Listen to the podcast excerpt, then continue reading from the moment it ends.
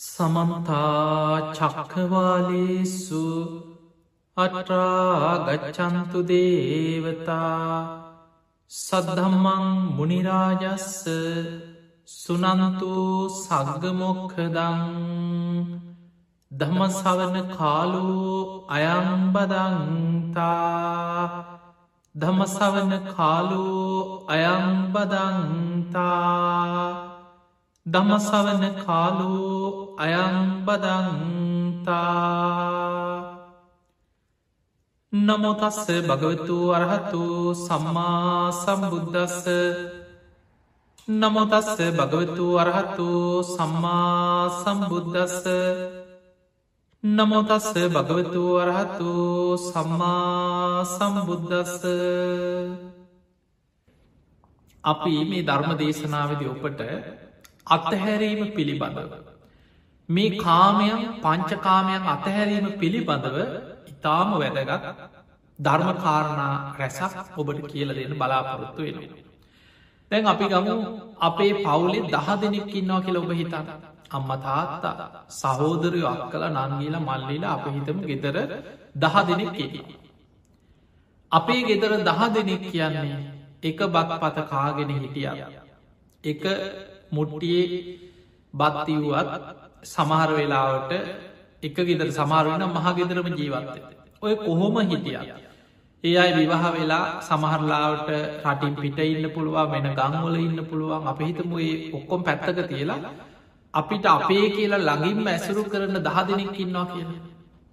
හැබැයි ඔබ තේරුම් ගන්නට ඕනෑ කවදා හෝ මළගෙවල් දහයක්කි. කාට කවද කොතන කොයි මොහොතේ මරණ ඉස්සර වෙනවාද කියලා අපි කවුරුත් දන්නයි. මරණය කියන්නේ තැනක් නෑ කුලබේද ජාතිබේද වර්ණබේද ගෝත්‍රබේද පුද්ගලයා මෙයා පොහෝසතාද දුප්පතාද ඒ කිසි දෙයක් නෙමෙයි. ඉපදුනානම් නත්ති ජාත සමරණ. උපන්නාව කිසිම කෙනෙකුට නොමැරී ඉන්න පුළුවන්කමක් නෑ කියල බුදුරජාණන් වහන්ස පෙන්වා. තිය නිසා මේ මරණයත් එක් අපි ජීවත්තේ දැ කෙනෙකුට හිතෙන්න්න පුළුවන් මේ බුදු දහම ගැන ධර්මී ගැන ගැඹුරු අධ්‍යයනයක් නොකළ බොහෝ දෙනෙක් පිටිම් බලලා හයිෝයි බුදු දහම මේ අනිත්‍යය අනිත්‍යය අනිත්‍යයි. අසුබය මැරෙනවා මැරෙනවා.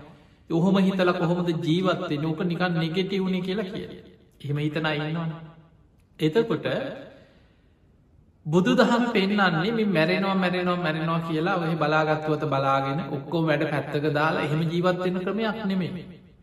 බුදු දහම තමයි යථාර්ථය හිතලා අප්‍රමාදීව ජීවිතයේ කුසලේට අරගෙන යන.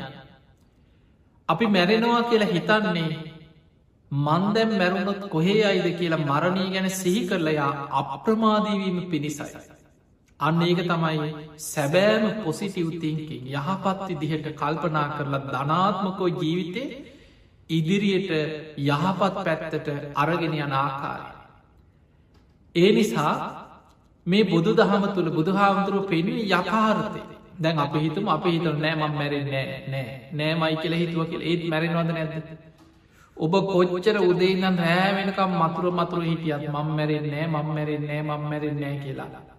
ඒ කාන්තයෙන් කවදක් කොතන කොයි මොහොතෙ හෝ මැරෙන්න්න වෙන. ඒ නිසා මේ ජීවිතවල ස්වභාවය. මේ ලෝකයේ මහා දනකුවේ රජවරු හිටිය. සක්විති රජවරු හිටිය. සිටුවරු හිටිය. මාලිගා හත්තරංගාපු මාලිගාවල හිටපු මිනිස්සු හිටිය. ඒ හැමෝම මරණයට පත්වුණ. ඒ සියල්ල අතහැල්ල යන්න සිද්ධ වේ. අන්නේ නිසා සමහට අපි දන්නේ නෑ කාට ඉස්සර වෙන්නේ. පවුලේ වයස පිළිවලට යනවන අන්න ඕනම කෙනෙකුට හිතාගන්න පුළුවන්. දැන් ඉතින් ඒ වයස ඉතින් ඒක එහෙනගයා ලෑස්ති වෙන තරුණ වයිස අපි මැරෙන්න එනම් මැදි වයිස මැරෙන්න්නෙත් නෑ ඔන්න දැ වයිසට ගිල්ල මෙන්න මේ කාලි තමයි මැරෙන්න කියලා අපිට මරණයට හරියට මේ වයස ගෙවලමනම් මැරෙන ඒනම් අපිට ජීවිතය හරියට සැලසුම් කරගෙන ඉන්න තිබ පෙංගතුනි සමහර වෙලාවට දෙමව්පියෝ ඉදිරී දරු ඉස්සර වෙන. උපදින්න ගිහිල්ල දරු මවකුසේ මැරෙන පුංචි වයස මැරෙන සෙල්ලං කර කර ඉන්න කාල. අම්මල කිරි දෙනකොට දරු ඔඩොක්කුවේ මැරෙන. සමහර වෙලාවට සහෝදර සහෝදරියෝ ඉස්සර වෙන. අය ඉන්නද නං ජීවිත ඉස්සර වෙන. එක්කො දෙමවපියෝය දරුව ඉදිරියේ දෙමවපිය ඉස්සර අපි දන්නේ නෑ කාට කවදක් ඔතන කොයි මොහොතේ. මේ මරණය ඉස්සර වේ. අන්නේ නිසා ඔබ අප්‍රමාදීව තමන්ගේ ජීවිතයේ හැම වෙලාවකම ගුණධර්ම පුරාගෙන මේ අත්තහැරීම කියන එක පුරුදු කරගන්න දක්සවේ. ඔබ ජීවිතයේ සැලසුම් කරගන්න. ඕනම දේකට සැලසුමක් අවශ්‍යයි. බුදුරජාණන් වහන්සේගේ ජීවිතේ දිහා බලන්න උන්වහන්සේ දින චරියාවකට වැඩ දවසත් උන්වහන්සේ පුදුම සැලසුම. අපිට හිතාගන්නවත් බෑ බුදුරජාණන් වහන්සේ දවස සැලසුම් කරපු ආකාරය. උන්වහන්සේ පැය දෙහකටත් අඩු කාලයක් තමයි සිංහසේයාවෙන් සැතකුණේ. හිමිදිරි උදෑසන බුදුරජාණන් වහන්සේ අවදිවේ. අවදි වෙලා සක්මන් කරනවා. භාවනා කරනවා. බුදුරජාණන් වහන්සේ උදෑසනින් මහා කරුණා සමාපත්තිය ලෝකෙ දිහා බලන. ගන්ධ කුටියේ නම් දස දහසක් ලෝක දහතුවට බුදු ඇස විහිදෝනවා කාට දද මං පේට වේ. කවුද අද දවස මේ ධර්මය අවබෝධ කරන පින්වන්තමයි බුදු ඇසින් බලන ඒ අයි කොහෙද ඉන්න කියලා. බුදුරජාණන් වහන්සේ යුදුම් ගණන ඒ අය හොයාගෙන වැඩම කරලා ඒ අයට මේ ධර්මී කියලද. ඊළඟට දහවල් කාලි දාන වෙලා වෙනකොට උන්හස පින්ඩ පාති වැඩම කරලා ඒ දාන ටික වලඳලා බොහෝ වෙලාවට බුදුරජාණන් වහන්සේ දවල්ට විවේකේ ළඟ වනාන්තරයක් තියෙනවන ඒ කැලේට ගිහිල්ලා බොහොම විවේකෙන් කාලෙ ගත කරන. සමහර දේශනාවල තියෙනවා බුදුහාන්දුරුව දහවල් දානටික පාතරයට ලැබුණට පස්සේ වටපිට බලනවා සුදුසු තැන වනාන්තරයක්. උන්හන්සේ කැලේ ඇතුළට වඩින දැන් කවුරුත් අර ආසන තියලා දාන භාජන තියලා පඩික්කර තියලා එහෙමනෑ කැලෑවල් බුදුරජාණන් වහන්සේ බලන උන්වහන්සේ කොච්චර සරලද කියලා. ගස්වල වේලිලා වැටිච්ච කොල උන්වහන්සේ ශ්‍රී හස්තයෙන් එකතු කරලා ගහක් යට කොළ ගොඩක් හදාගන්න. මේ මෙතන තමයි උන්වහන්සගේ ආසන මේ මත සංගල සිවරේලලා ඒ මත වැඩ ඉඳලා අර දානටික වලදන්න.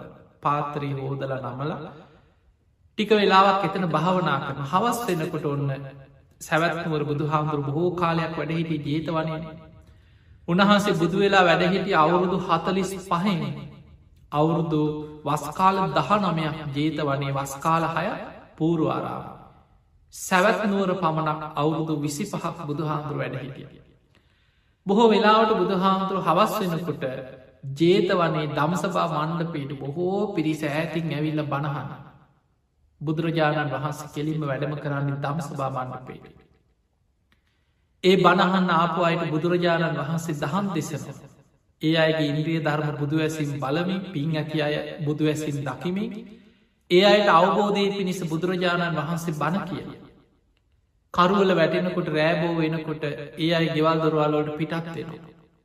ඊට පස්සේ පැවිදි වෙච්චායට ස්වාමීන් වහන්සේලාට බුදුරජාණන් වහන්සේ භික්‍ෂූන් වහන්සේලාට විශේසිෙන් අවවාද අනුශාසනා කරන. ඒ අයට විනේ නීති පනවන ඔය අයට දහම් ගැටලු විසඳලද. මේ විදිහට රාට්‍රී දහයට ආසන්න වෙනතෙක්. බුදුරජාණන් වහන්සේ දම්සභා මණ්ඩපේ වැඩ සිටිමින් දහම් දෙස.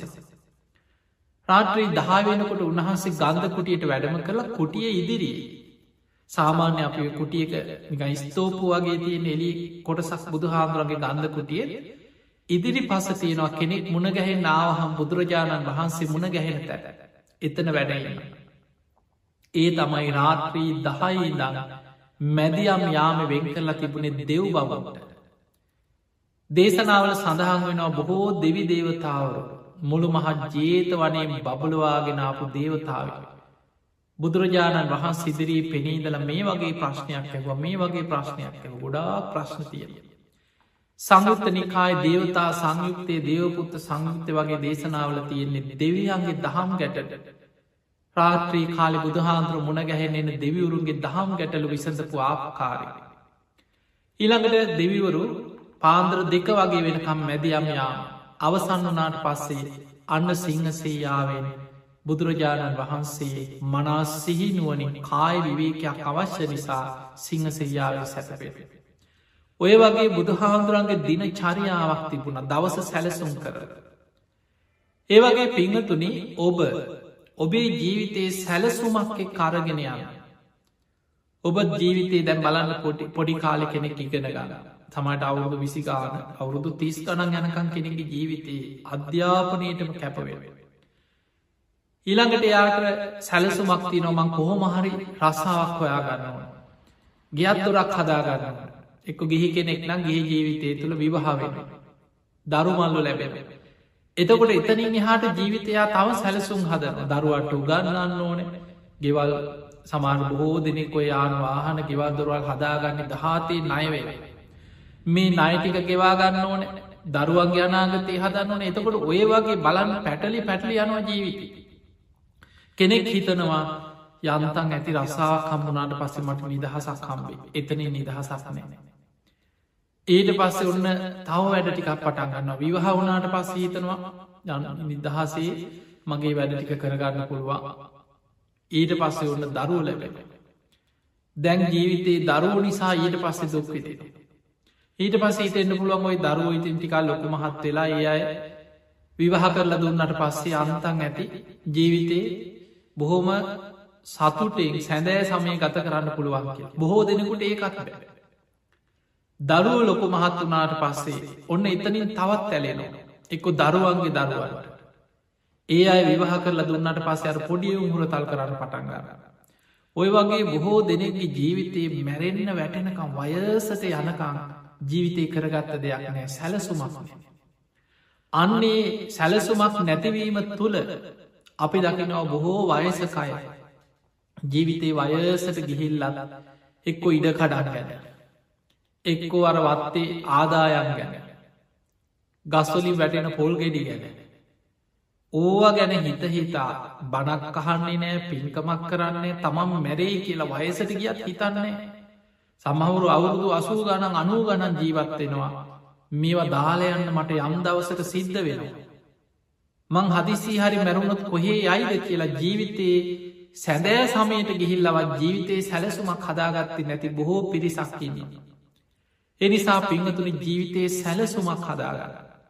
ඔබ තරුණ කාලෙම ධර්මය දියුණු කරන්න පටන් ගත්තොත් ඔබට හොඳට ධර්මය පුරුදු කරගන්න පුළුවන්.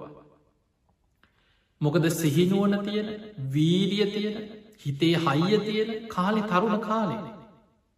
බලන්න මේ ධර්මය දියුණු නොකිරීමේ ප්‍රතිඵල දවසක් අපේ බුදුරජාණන් වහන්සේ රජගහන්නුවර ආනන්ද හාමුදුරුව සමඟ උන්වහන්සේ පිරිනිවන් පා නාසන්න කාලෙ මේ නගර වඩින. එහෙම වඩිනකොට දැක්ක වයසක දෙන්නේ. තැටි දෙකක් කරගෙන නගර හිඟමනය යන. බෝම වයසයි වැරහැලි අදගෙන දැන් තැටි දෙකක් කරන්න හිඟමන යන දෙන්නේ දැක්ක වයසක දෙදේ. සීයගෙනෙකු යාච්ච කෙනෙකුයි. බුදුරජාණන් වහන්සේ නතර වෙලා ඒ අය දිහා බලලා අනුකම්පා සහගත සිනහාවක් පහළ කරන්න. අනුකම්පා සහගත සිනහව බුදු කෙනෙක් සිනහ පහල කරන්න විශේෂ කාරණයක් සඳහා පමණයි. සාමාන්‍ය මිනිස්සු හිනාවෙනකොට ඒවැ තියෙනවා අපහසට හිනාවෙන උපහසිට හිනාවෙනවා පොක් කණ්ඩලා හිනාවෙනවා එක ඒක හිනාවල් තියනවා මිනිස්සුට. හැබැයි නික්ලේශි උත්තමයන් බුදුවරු සිනහ පහල කරන්නේ ඒ සිනහාවට ධර්මය කියන්නේ හසිතු පාදේ.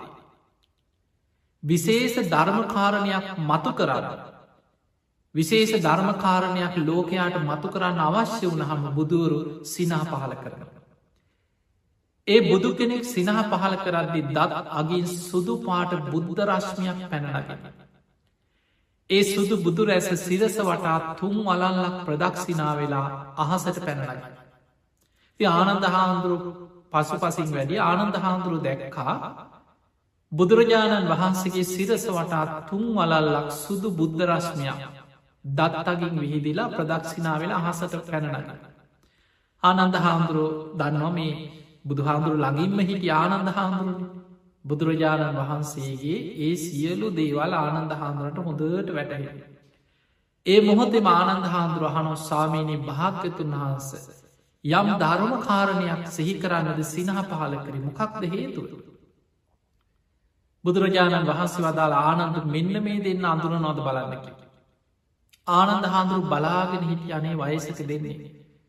ටික වෙලාවකින් අඳුන ගත්ත මතක් වුණනේ ස්වාමිණි භාකතුන් වහන්ස.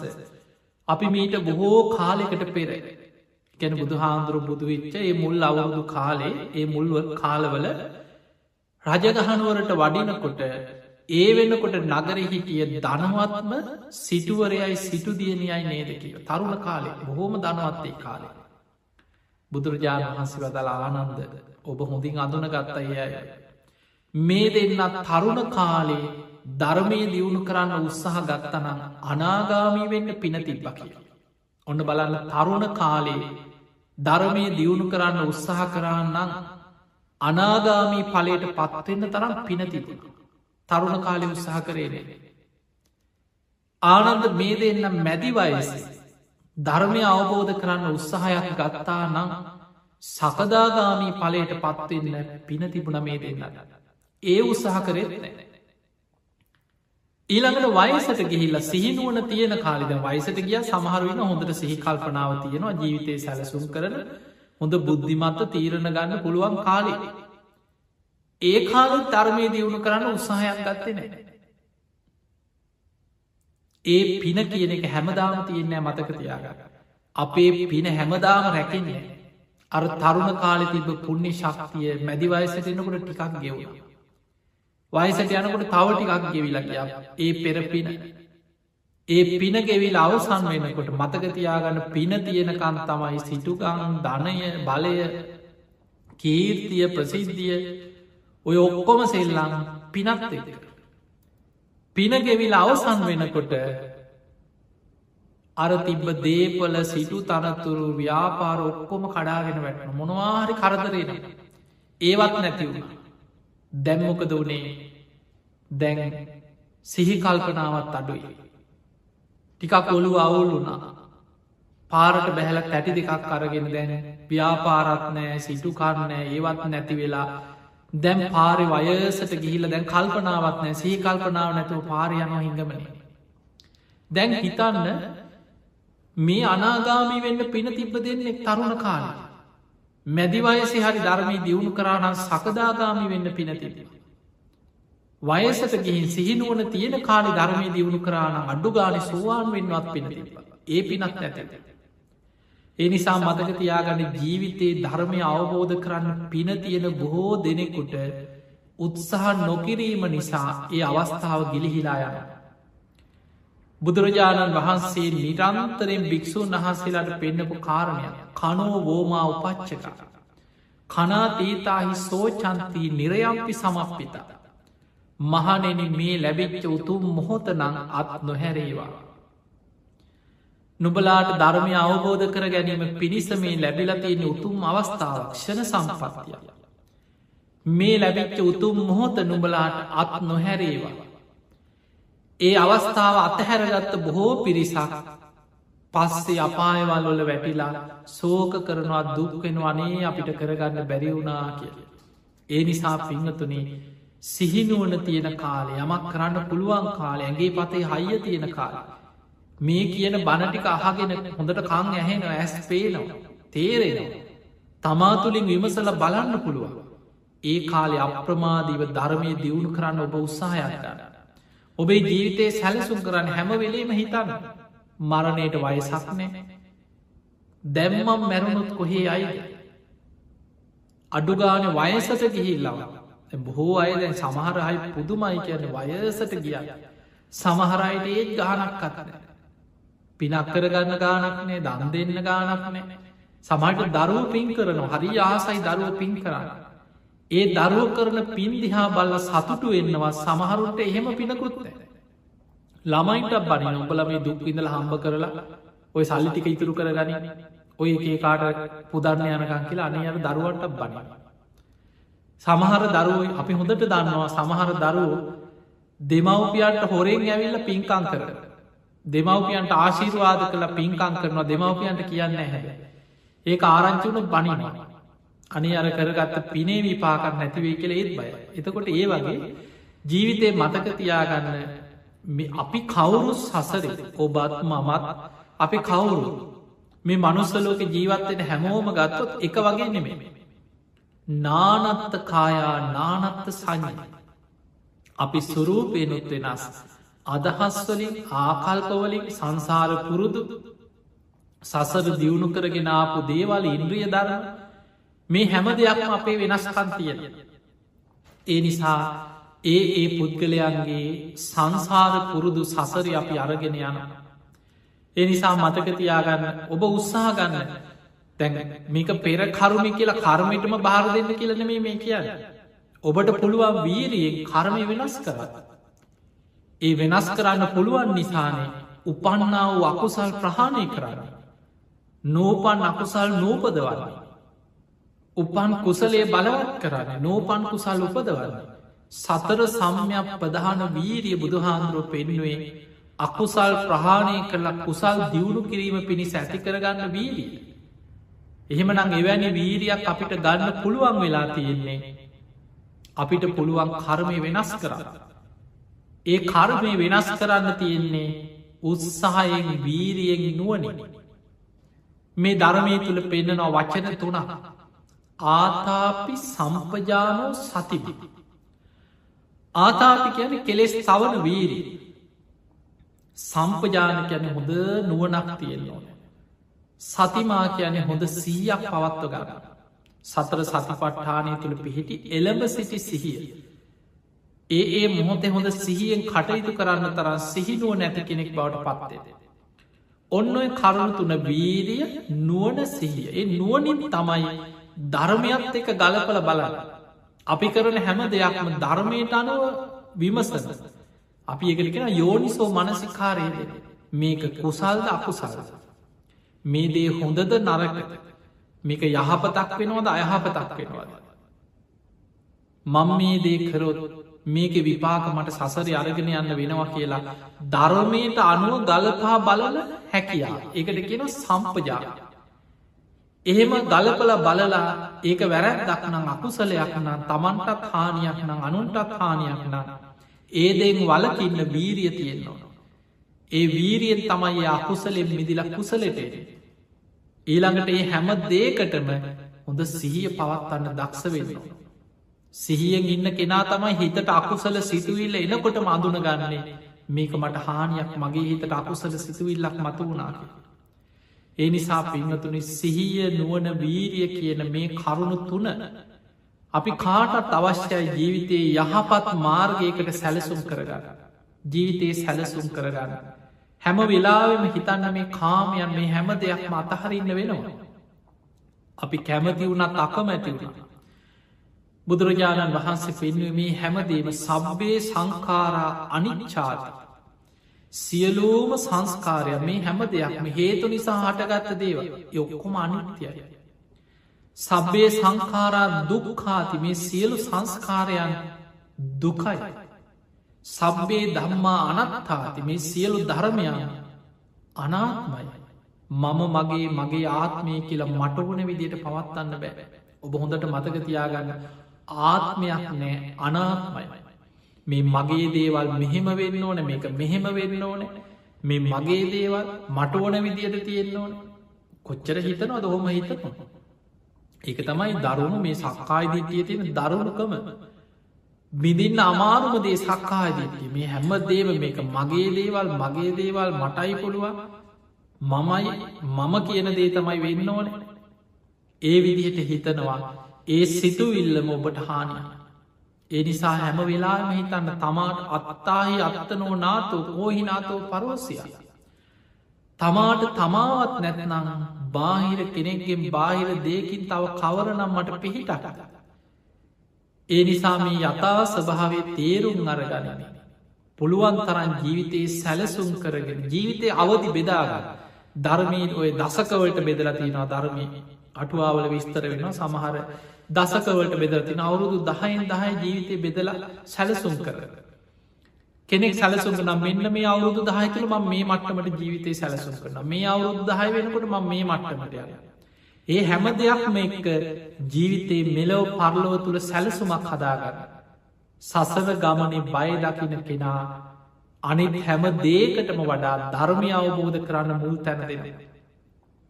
ඒ පිණිස් ඔබේ ජීවිතය එදිනතා පුරුදු කරගතයි. කාරණ පහ මෙන්න මේ කරුණු පහොදට මතකතියාග. බුදුහාන්දුර එක තැනක පෙන්වම ආනන්දය ආනන්ද හාමුදුරන් දේශනා කර ආනන්ද ඔබ ඔබේ දෙමව්පියන්ට ආදරෙන. ඔබේ ඥාතීන්ට ඔබ හිතවත්වා.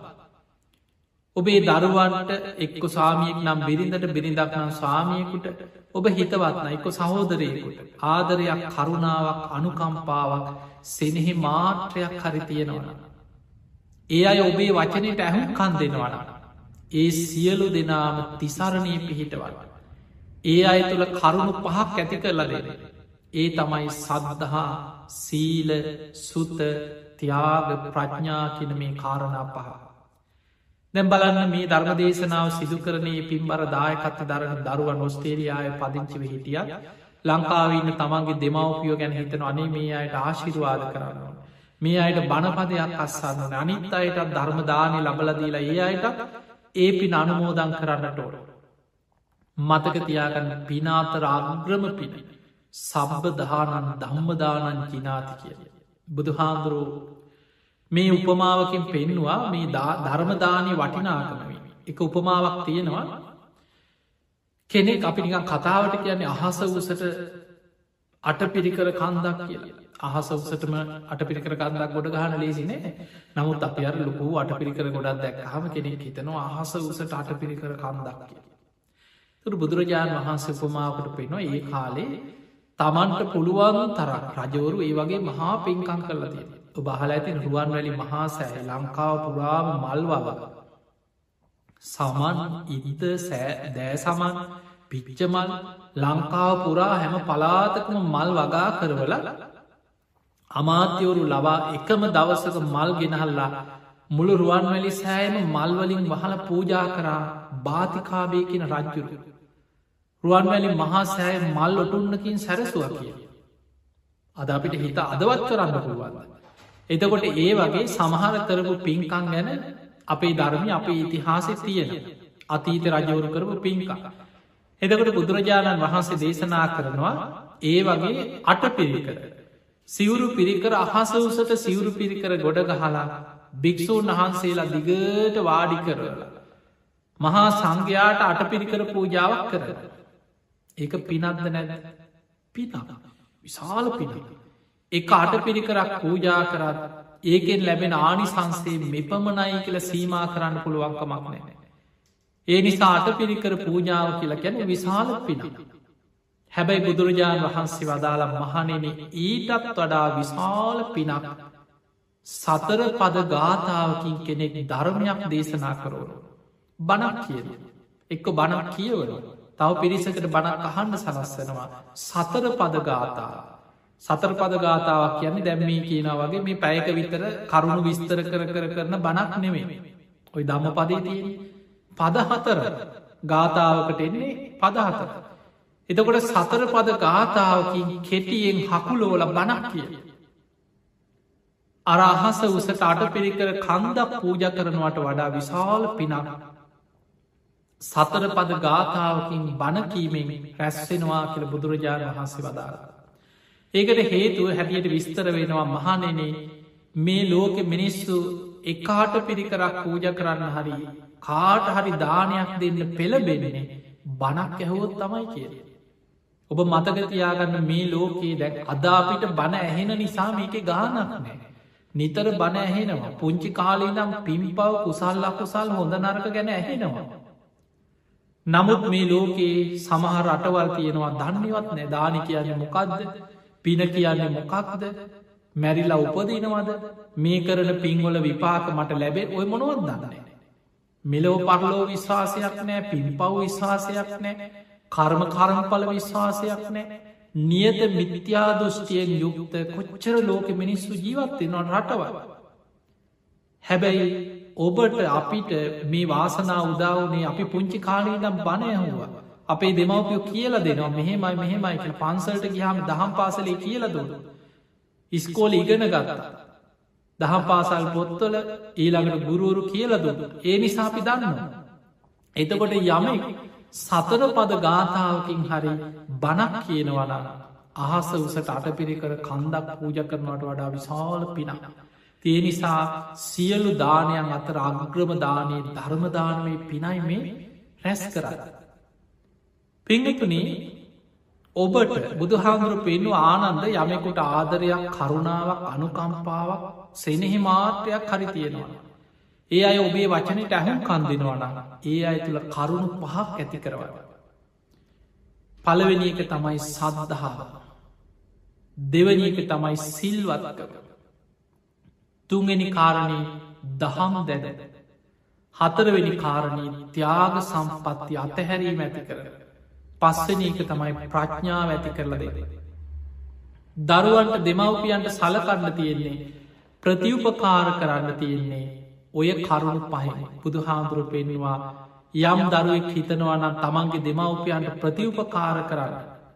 ප්‍රතිඋපකාර කරනවා නම් සදදා සීල සුත තියාග ප්‍රඥා ඔන්න ඔය කරුණු පහ ඇති කරවන්නකි. එහෙම නැතුව අපි අවුරුදු සීයක් උපමාවකට පෙන්ව අවුරුදු සීයක් ආවිශ තියෙන පුතේ.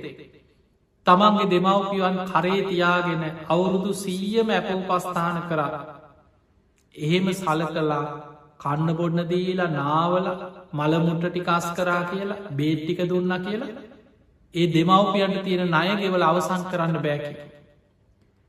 ඊළඟ බුදුරජාණන් වහන්ස උපමාවකට පෙන්වා සාමාන්‍ය ලෝකෙ ගිහි කාම ලෝකයේ කාමයන් අතර ඉහළම සැප සම්පත්තිය තමයි සක්විති රජක. දෙතිස් මහා පුරුස ලක්ෂණ ඇති සත්ව රක්නයම් පහළ වෙන මේ ලෝකෙම පාලනය කළ සක්විති රජක. කෙනෙක් තමන්ගේ දෙමවපියන්ව සක්විති රාජ සම්පත්තිය පිහිටෝ දෙමවපියන්ව සක්විති රජකම ලබල දෙන. ඒකත් පිනක් තමයි හැබැයි ප්‍රතිඋපකාර කරලා එහෙම දෙමවපියන්ට අවසන් කරන්න බෑකිට. බුදුරජාණන් වහන්සේ වදා දෙමවපියන්ට සල කළ ප්‍රතිඋපකාර කරන්න හිතනවනන්න සදදාව ඇති කරවන්න. දෙමවපිය තුළ තුනුරුවන් ගැන බුදු හාමුදුරුව ගැන ධර්මය ගැන ශ්‍රාවක සංඝයා ගැන සද්ධාවම ඇති කරවන්න. මොකද සද්ධාව ඇති වුණොත් ඒ අයි මරණින්මත් ඒ කාන්තයෙන් සුගතියන්න. ඒ දරුවන්ට දෙමවපියෝ නැති කාලෙ හරි සතුටු වෙන්න පුළුවන් අනේ අපේ දෙමවපියෝ නස් සුගති. අපි අපේ යුතුකම ඉෂ්ට කරන්න. අපි ඒ අයට ධර්මී කියල දුන්න ධර්මයට යොමු කෙරේවා. බණහන්න යොමු කෙරේවා පින්කං වලට යොමු කෙරේවා. ඒ අයව ධර්මී පිහිටෙව්වා. අපේ දෙමවපියන්ට අපි යුතුකං කර ඒ අඒ කාන්තින් අද සුගතිය ඇති කියලා සතුටුවෙන. ඒ නිසා දරුවන්ගේ යුතුකම තමයි තමන්ගේ දෙමවපියන්ම සබද්ධාව පිහිටෝනේ. දෙවනික බුදුරජාණන් වහන්සේ වදාලා මහනෙන සමහර දෙමවපියෝ ඉන්නවා වයසට ගියත් තමන්ගේ ජීවිතය අඩුපාඩු හදාගන්න කැමතිම නෑ. සමාරු බොහොම ඇට්ට බොහොම තදයි. කියනදී දරුව අහන්නෙවත් නැකො දන්නවා මේ කියන්න ඇත්ත හරි මට යහපත ඒත් අර උබලයින්න එපා මට උපදෙස් දේද. මාව හදන්න එපා හොම කියනයි නැත්ත බල කොච්චර ඉන්නට කවුරුත් කියන්න යහපත් දේවල් පිළිගන්න කැමති නැති බොහොම තදින් ඉන්න දැඩි ගතියෙන් යුක්ත හිතුවක් කාරයි ආදරෙන් වැඳල හරි කියලා පුළුවන් තරන් ඒ අයව සීලාදී ගුණධර්මවල යොදවන්න කිය. ඒ අය එකතු කරගෙන සිල් ගන්න යන. ඒ අයට සීලාදී ගුණධර්මවලට උපක්‍රම සීලී හද දැන් අපි ගම සමහරයින්න දරුව කීවට පිළිගන්න කැමතින. හැබැයි යා ඇස්සුරු කරන එයාගේ වයසේ දැන් අම්ම තාත්තනම් ඒ අයගේ වයසේ ළඟ ඉන්න නෑදෑය ඥාතිී සමට ගමේ ඉන්නවා වෙන්න පුළුවන්ගේ වයසි අය ඒ අය ඇවිල්ල කියනවා යං අපි මේ පෝයිට සිල්ගන්න මාත්‍යයන මාත්‍යකය හාමං එන්නම් කියල ඔන්න යන හැබැයි ළමයි කිවොත් යන්න. එදකොට දරුව බුද්ධිමත් එන්න ඕනෑ.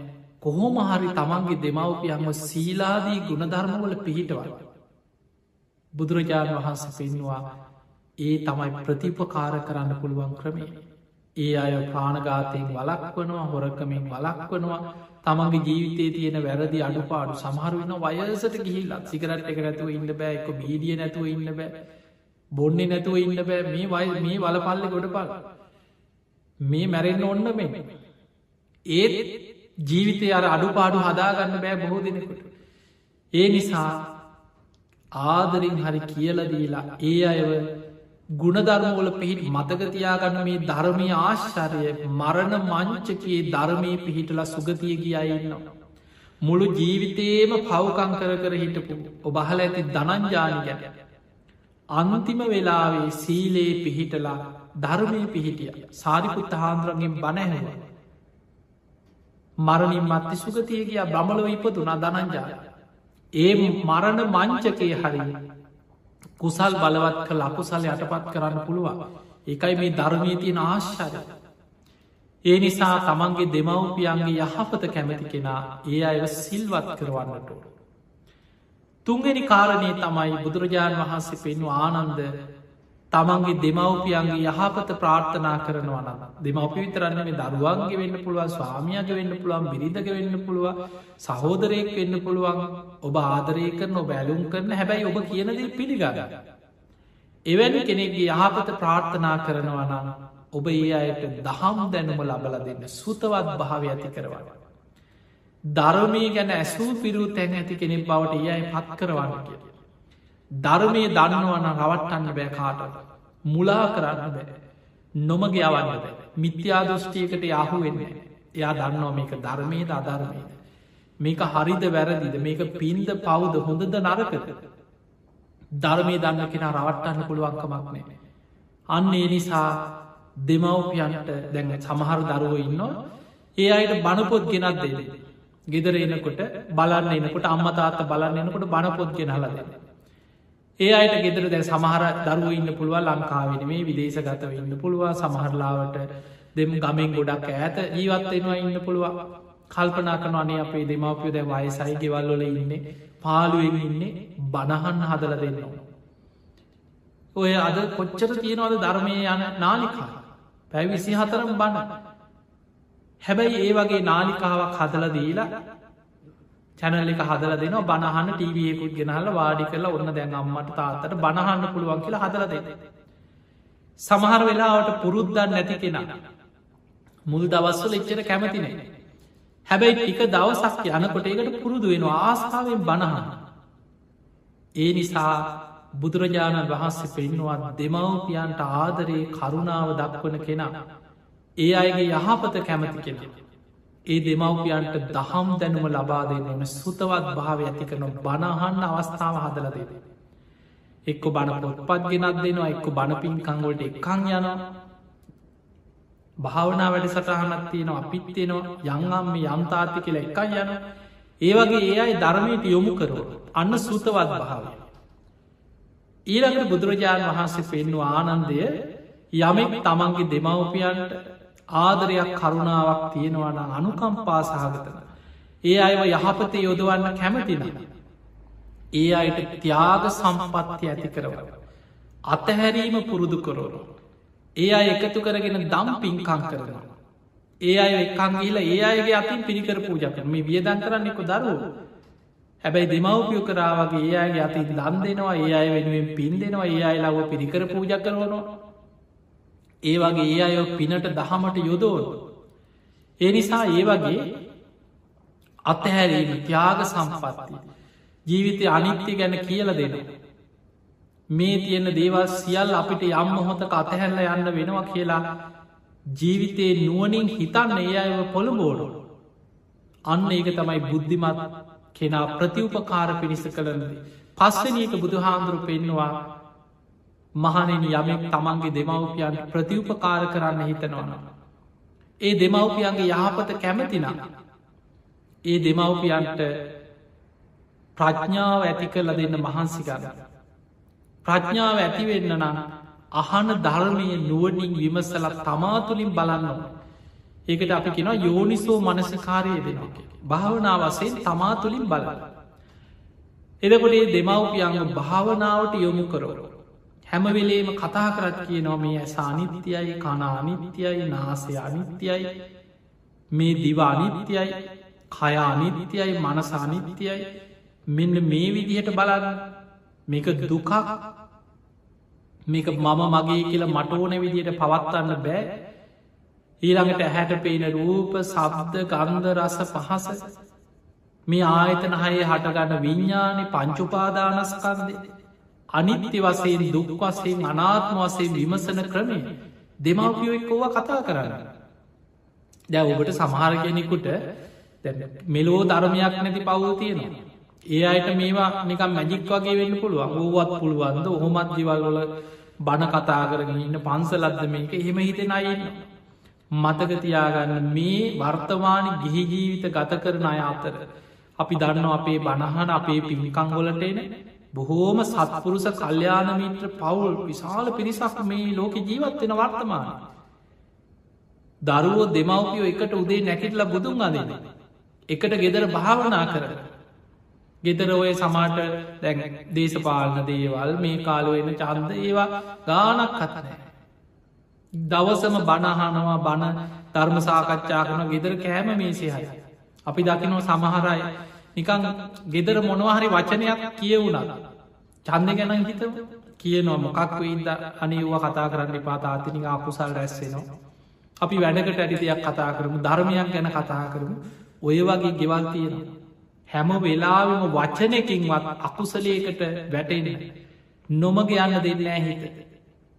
තමන්ගේ හිතට අකුසල් රැස්වෙන දේවල් ගෙවල්වල කතා කරන්නෙම. සමාජ දේවල් පුුණු ගොඩුවල් දේශපාල දේවල් අනුන්ගේ අදකුද ඒ මොනවත් නැතුව ගෙදර බණහාගෙන ධර්මය කතාකර බොහොම සතුටෙන් එහෙම ජීවත්වෙන පවුල් වර්තමානය නැතුව නෙමේ තියෙනවා.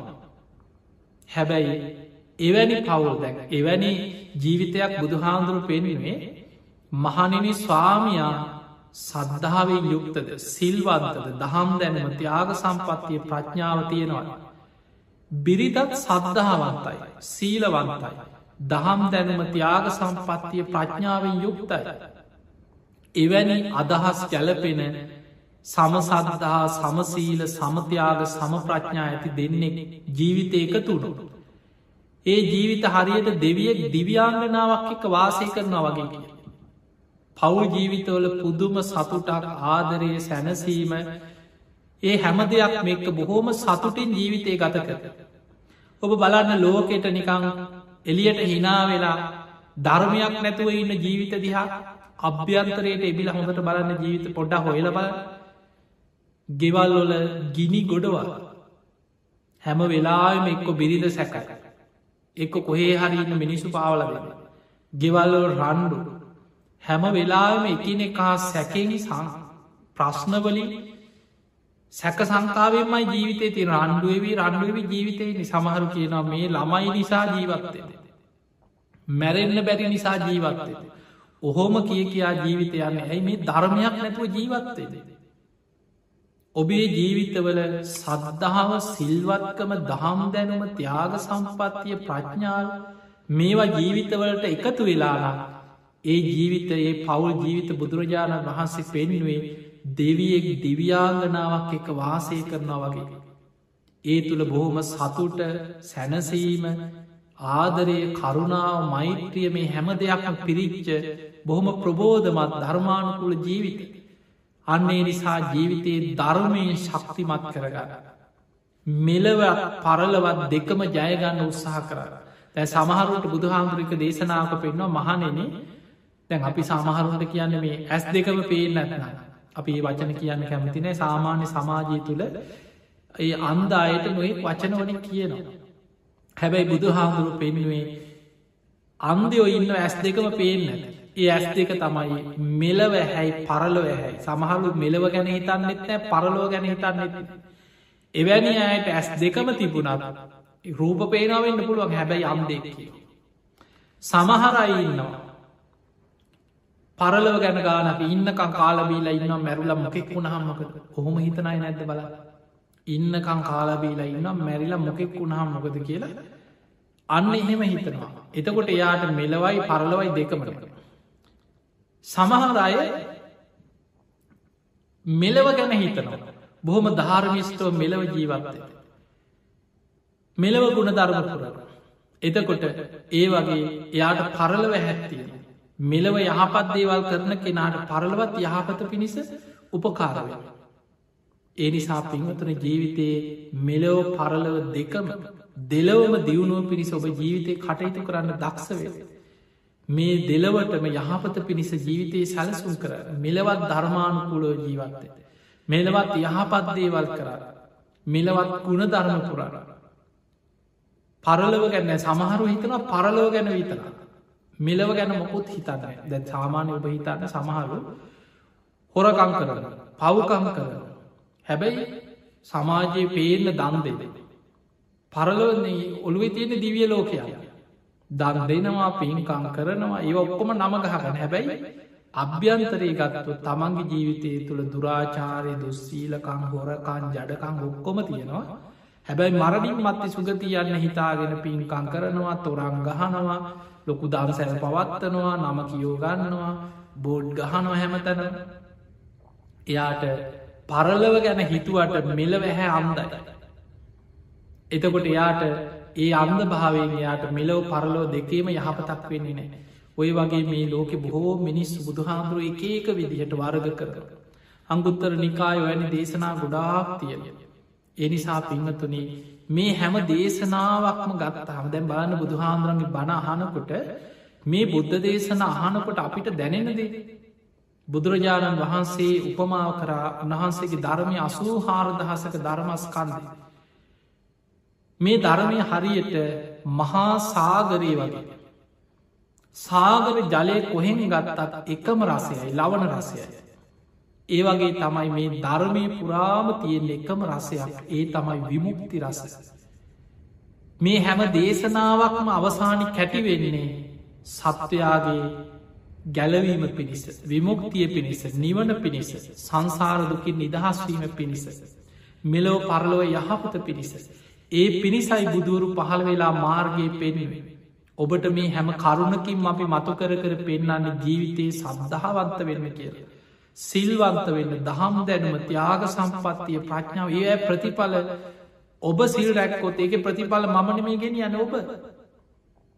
ඒ නිසා තමාගේ යහපත කැමති කෙනා. බුදුරජාණන් වහන්සේ පෙන්වා හිස ගිනි ගත්ත කෙනෙක් ගින්න නිවන්න මහන්සීනාවගේ. ආයුදයකින් පහරක්කාපු කෙනෙක් ඒ තුවාලි සනීප කරගන්න වෙහෙසිනාවගේ. මේ සසර ගමනේ බය දකින තමාගේ යහපත කැමති කෙනා අප්‍රමාදීව ධර්මය දියුණු කරන්න මහන්සි ගන්න ඕන කිය. ඒ පිණිස ඔබ හැම දෙනාම ජීවිතයේ මහන්සිගන්න. මේ කියපු කාරණ හොදට මතක තියාගන්න ජීවිතයේ සැලසුම් කරගන්න. ඔබේ ජීවිතයේ අවදි වසයෙන් බෙදාගන්න මං මෙන්න මේ කාල වෙනකොට මේ විදියට ජීවිතේ ධර්මයට යොමු වෙන මේ වගේ සැලසුම් කර. මෙන්න මේ කාලෙමම් මේවා අතහරින.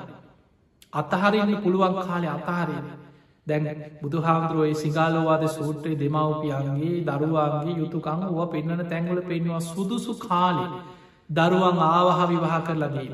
සුදුසු කාලේ තමන් සතුවත්කම් දේපල දරුවන්ට පවරාදී. එකැන මේ අතහරඉන්න කියලා කියන්න. ඒ සුදුසු කාලේනකොට ජීවිතේ ඒවා අතහැරල තමන් සූදානන් වෙනවා තමන්ගේ පරලෝ වෙනුවෙන් ධර්මය ජීවිතයට එකතු කරගෙන. වගකී යුතුකංක බැඳිච්ච ජීවිතේ අතහරින්න ඕන කාලේව අතහැරලා තමන්ගේ පරලෝ වෙනුවෙන් ජීවිතයේ ධර්මානුකුලෝ සැලසුම් කරගන්න. ඒ පිණිස කරුණු පහක් දියුණු කරන්නේ තමයි සද්ධහා සීල සුත ත්‍යාග ප්‍රඥා. ඔබ හැම දෙනාටම මේ ධර්මානු ශාසනාවෙන් අපි ආශිර්වාදකන ඔබේ ජීවිතය ලාමක ජීවිතයක් බවට පත් නොවී ලාමක මරණයක් අත් කරගන්න නැතුව බුද්ධ ශාසනයක් ලැබිච්ච වෙලාවේ අප්‍රමාදීව සද්ධාදී ගුණ ධර්ම දියුණු කරගෙන. ඔබ හැම දෙනාට මුතුම් ධර්මයම අවබෝධ කරගන්න වාසනාව ලැබේවා ලැබේවා ලැබේවා කියලපි ආශිර්වාද කරගන්න.